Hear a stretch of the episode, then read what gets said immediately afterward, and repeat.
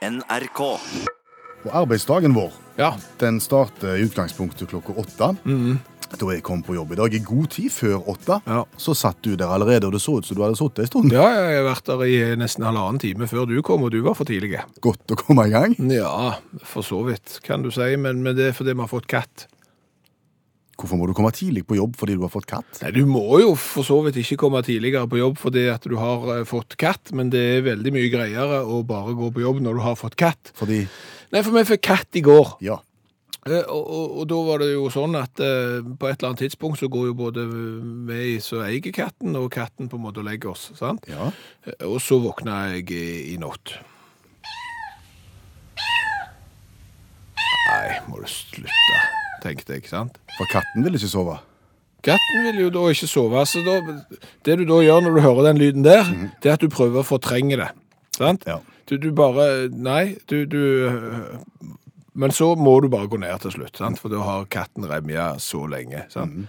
For du tenker, jeg, jeg er jo et godt menneske, jeg håper jeg, jeg har litt empati for dyr også av og til, sånn at, så da tenker jeg, har han det vondt i sitt nye hjem nå, denne lille kattepusen? Jeg må ned og sjekke om han har fått nyrestein, eller ikke hva de får for noe, jeg. Sånn. Så kommer jeg ned, har ikke vondt noen plass. Gjerne ikke så lett å høre på radioen, men, men da begynner han jo å male, sant?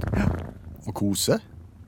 Og begynner liksom å klatre opp på meg og alle tider, så det er jo midt på natta, så da, ok, da har du det ikke det vondt, og så legger du katten tilbake på rommet der han har alt han trenger av remedier, av mat og drikke og god plass å ligge, og så legger jeg meg igjen. Ja. Og så går det Nei, så går det cirka ti minutter. Så, så er det på han igjen, sant? Og du fortrenger det. Du tenker, denne her lyden hører jeg ikke. Jo, du hører den. Altså, hvis du bor i moderne hus, så, så hører du det her over hele huset. Så det, det som skjer, ok, ned igjen, kan det hende han har det vondt nå. Har det ikke vondt i det hele tatt. Begynner å male og sitter i fanget på meg og går fram og tilbake. Når jeg går bort til kjøkkenet, så følger katten etter og skubber bort i beina mine og er i kjempehumør. Og da er jeg i dårlig humør. Ja. Så da legger, Ja.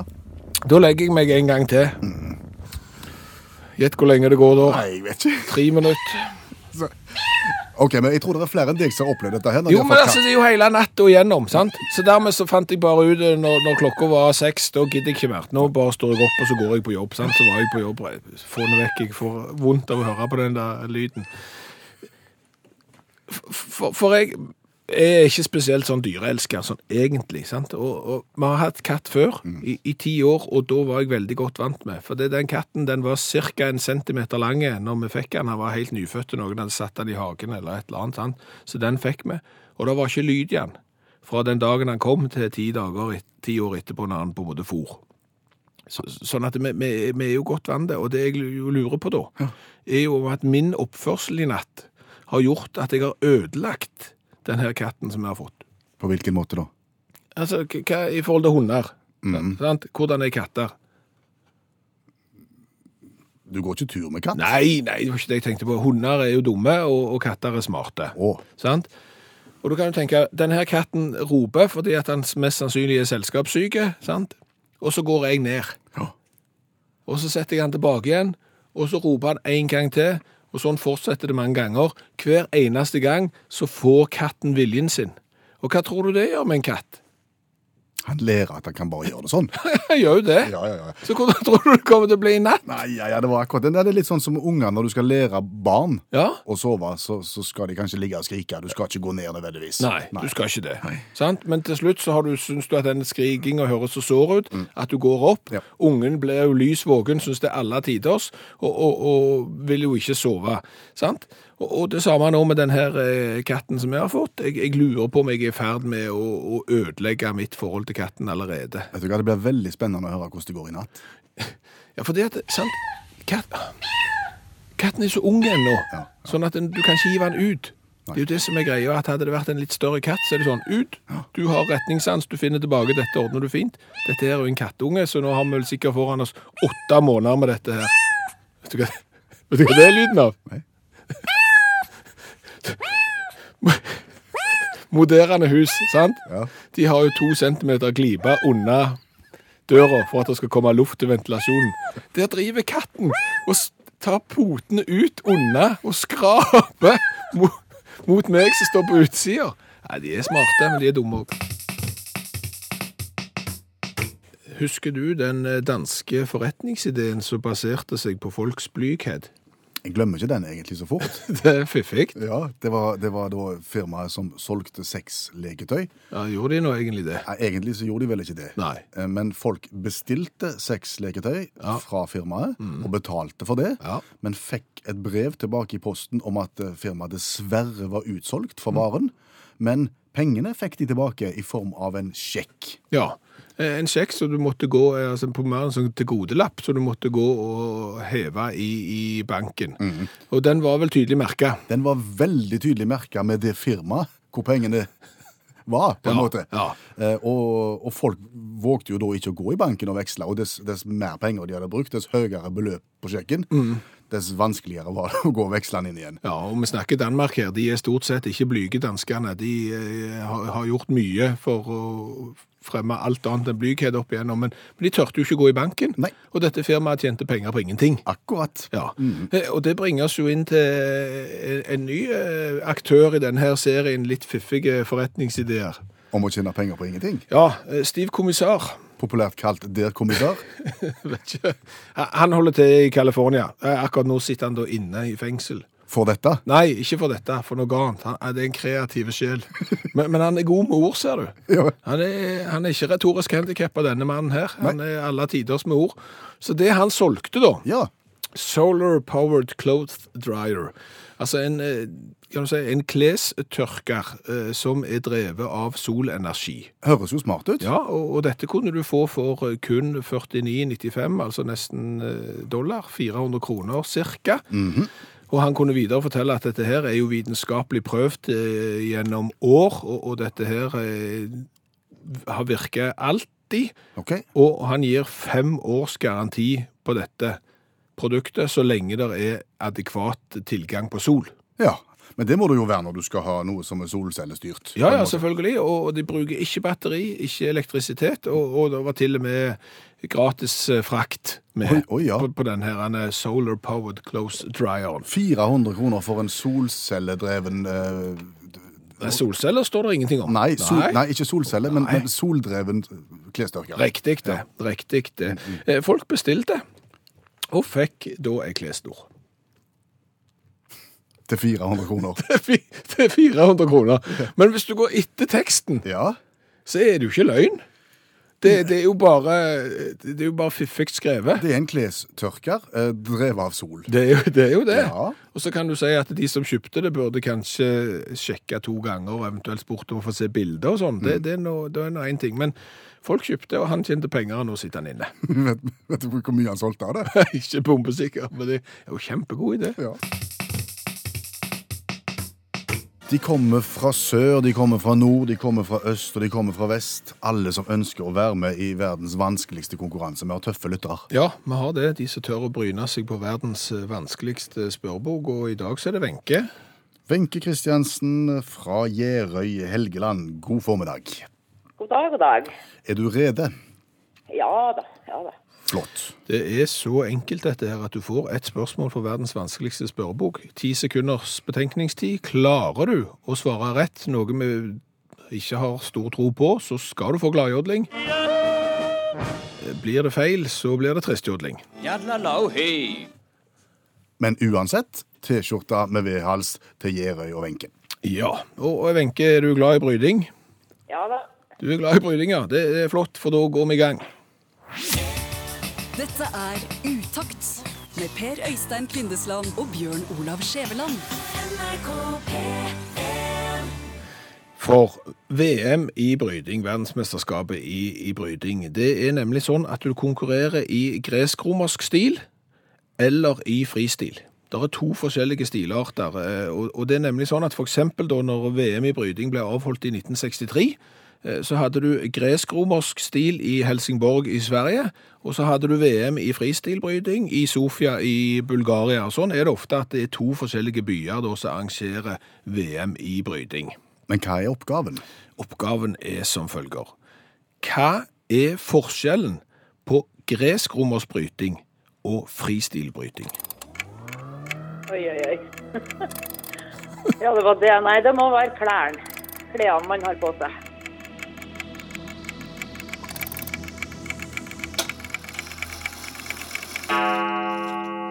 Hei. Oi, der kom slått Ja.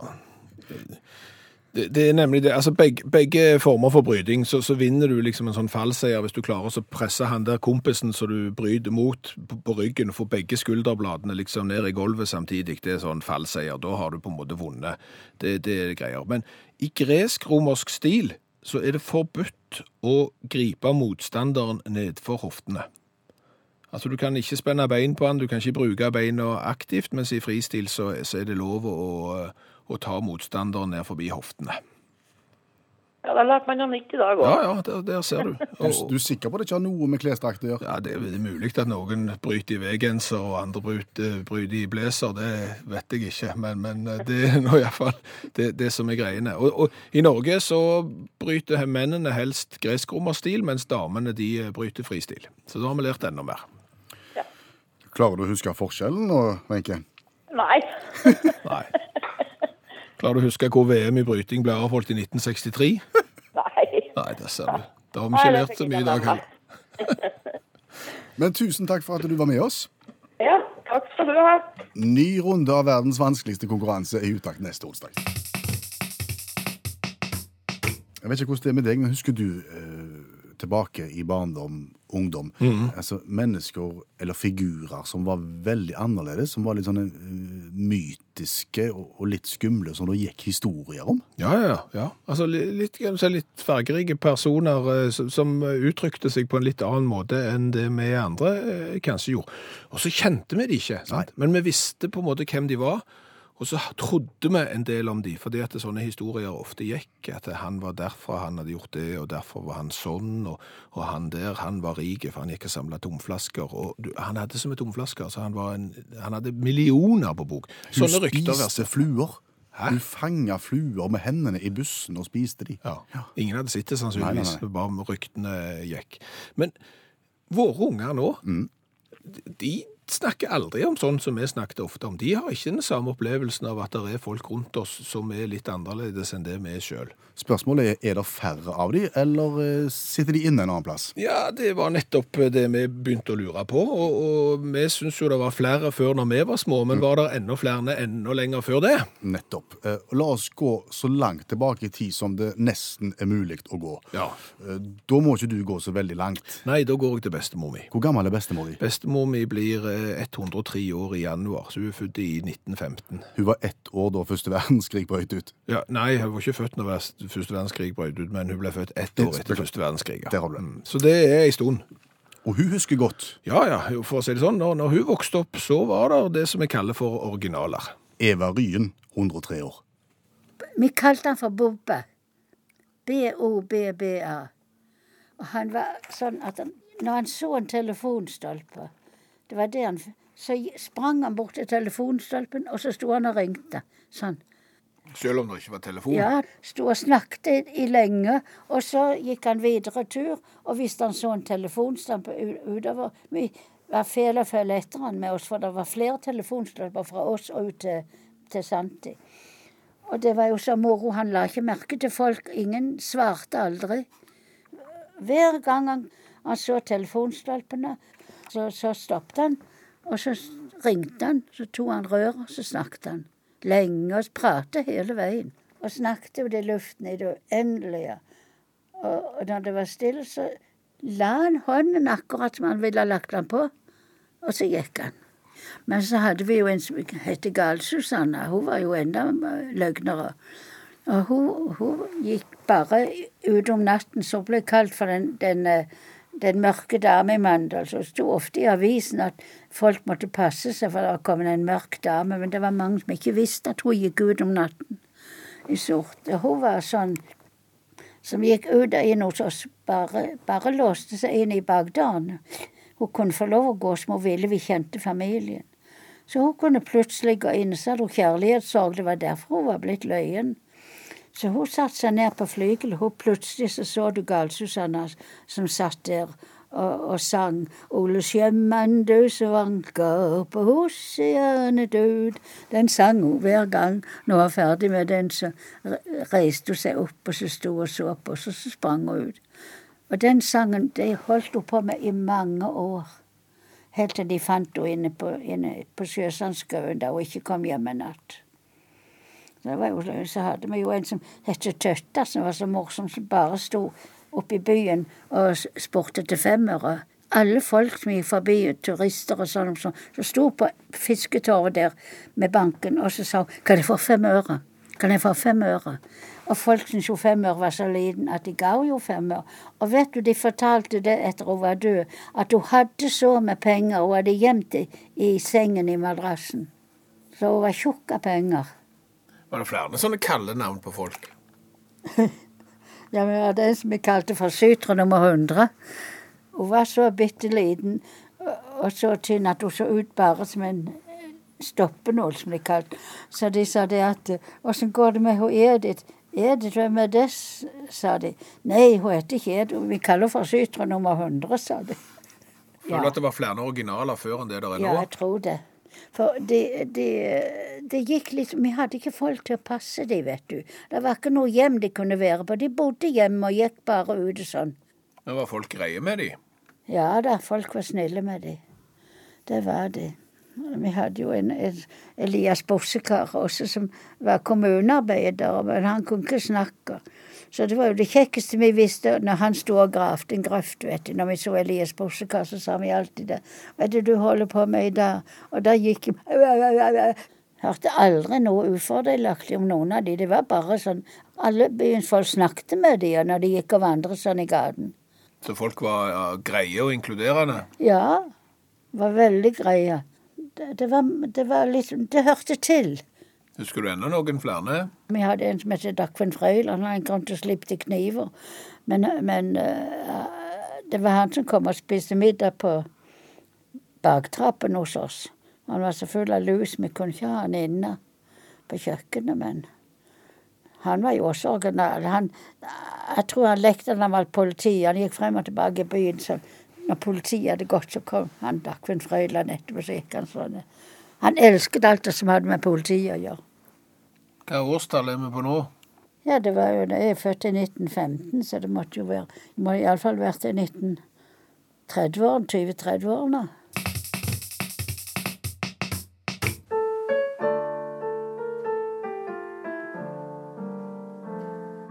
Utakt skiller Clinton fra hveten. Hvete. Klint se, det er hvete. Da er det klint. Klinter Unnskyld. Hvete. Kan jeg forstyrre bitte litt? Hæ? Vent bitte, bitte, bitte. Det må være hvete, tror jeg. Den ligger der. Så Ja, hva Unnskyld, hva var det du sa? Nei, jeg spør om jeg kan bare forstyrre bitte litt. Ja, ja, ja, men Hva er det egentlig du gjør? Ser du ikke det? Jeg driver og skiller eh, hvete og, og klint. Så da legger jeg hveten bort der.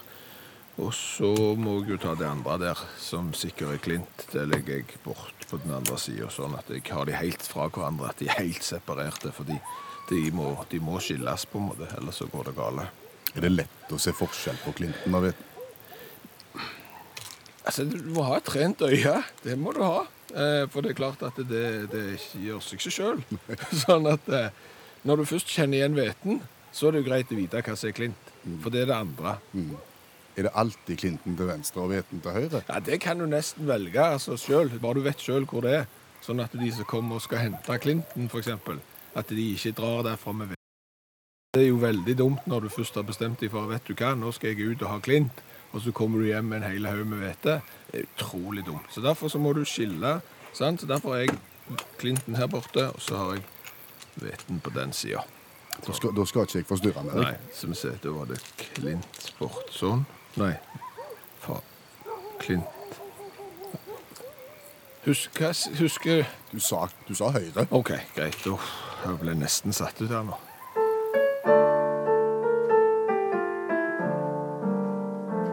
Du har hørt Utakt skille Clinton fra hveten.